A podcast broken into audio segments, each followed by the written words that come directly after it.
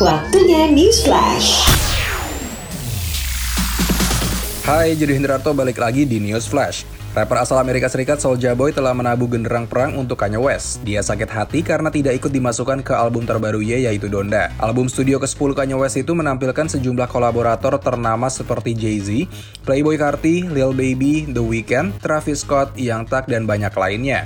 Namun Soulja Boy yang sebelumnya direncanakan akan ikut menjadi bagian dari album untuk single berjudul Remote Control justru disingkirkan dan digantikan oleh Young Thug.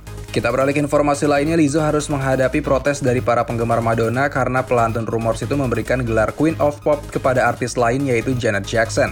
Kejadian bermula ketika Lizzo membagikan daftar nama artis yang dianggapnya sebagai musisi terbaik untuk masing-masing genre. Tentu julukan-julukan tersebut dibuat berdasarkan pendapat pribadi Lizzo, namun fans Madonna tidak senang dengan hal tersebut, mereka tidak terima Lizzo menobatkan Janet Jackson sebagai Queen of Pop.